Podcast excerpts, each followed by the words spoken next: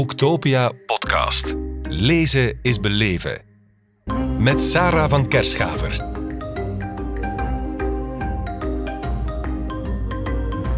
Heiko de Schepper, welkom in onze podcast op Boektopia in Kortrijk. Goedemiddag. Goedemiddag.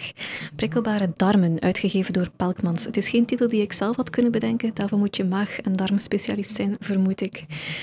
Ja, je hebt heel veel kennis opgebouwd. Uh, je begint ook met een, uh, een heel aangrijpende situatie, als ik mag zeggen, in je boek. Is dat uit jouw leven als arts gegrepen, situatie?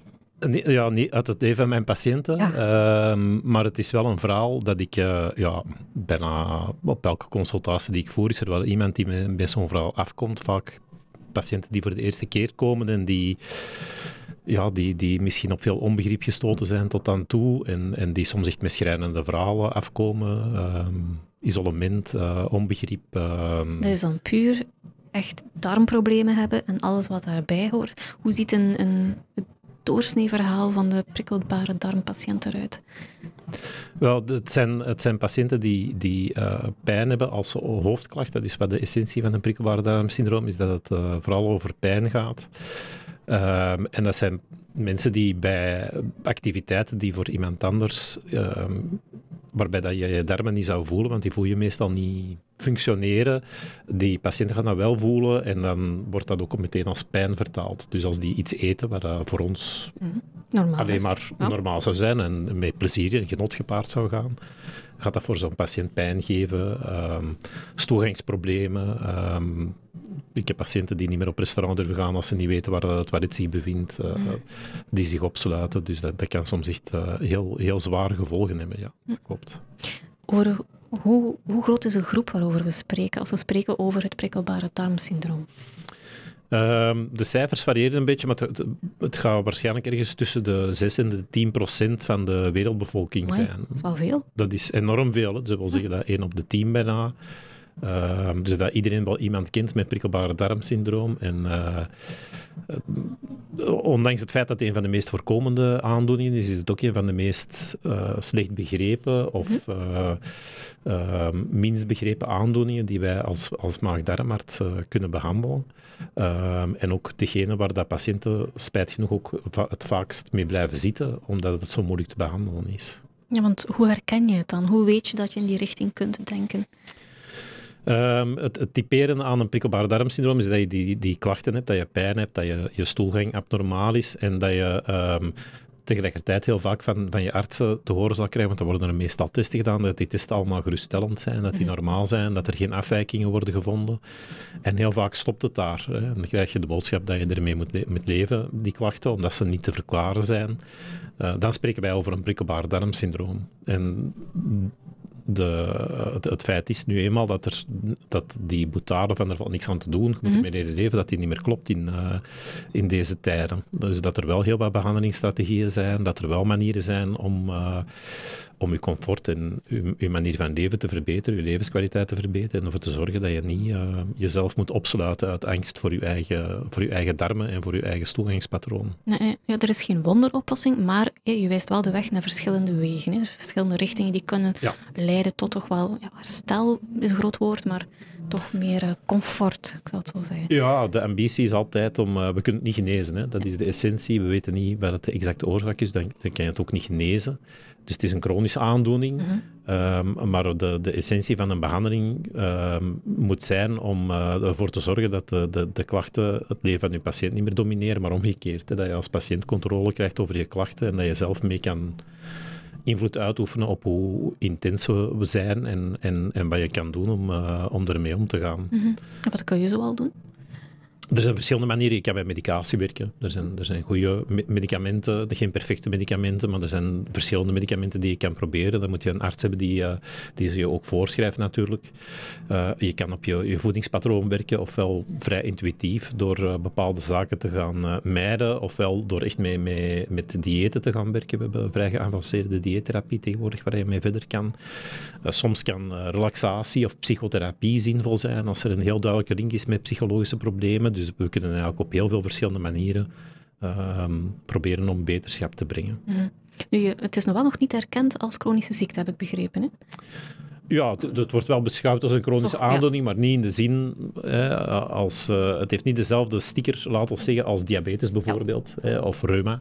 Omdat dat dingen zijn die je wel kan meten. Hè. Diabetes kan je vaststellen in het bloed, dan zijn de suikerwaarden te hoog. Hè. Reuma kan je vaststellen aan foto's en scans van je gewrichten.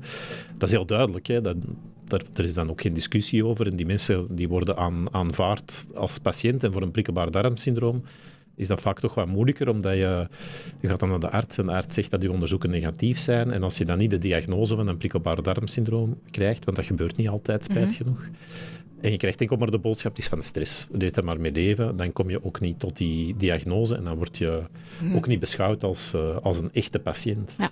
Terwijl dat we weten dat het wel zo is. Hè, dat het echt wel een aandoening is met heel typische kenmerken en een heel typisch beloop. Maar misschien zijn we als wetenschap nog een beetje te, te incompetent op deze moment om echt een goede test te hebben die het ook kan aantonen. Dat zal in de toekomst hopelijk wel zo zijn. Nee, hoewel je wel een pleidooi voert voor die erkenning. Hè? Want ik denk dat heel veel patiënten er misschien ook wel nood aan hebben.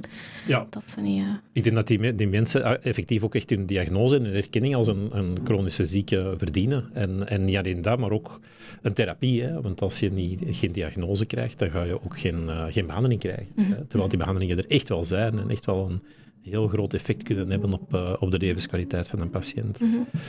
Dat is een beetje de, de, de ambitie om, om patiënten die informatie, als ze ze niet krijgen via het reguliere medische circuit, om, om eender welke reden, eh, dat ze dat zelf in handen kunnen nemen en er zelf mee aan de slag kunnen gaan.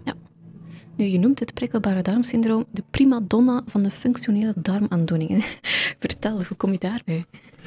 Goh, omdat, omdat het eigenlijk de meest voorkomende is. Ja. Eh, degene die, we, die de meeste maagdarmartsen, want de meeste maagdarmartsen zijn geen fan van functionele aandoeningen, die gaan liever zweren en, en stenen en dingen waar ze gemakkelijk mee aan de, aan de slag kunnen. Prikkelbare darmsyndroom en functionele aandoeningen zijn niet zo populair in onze branche.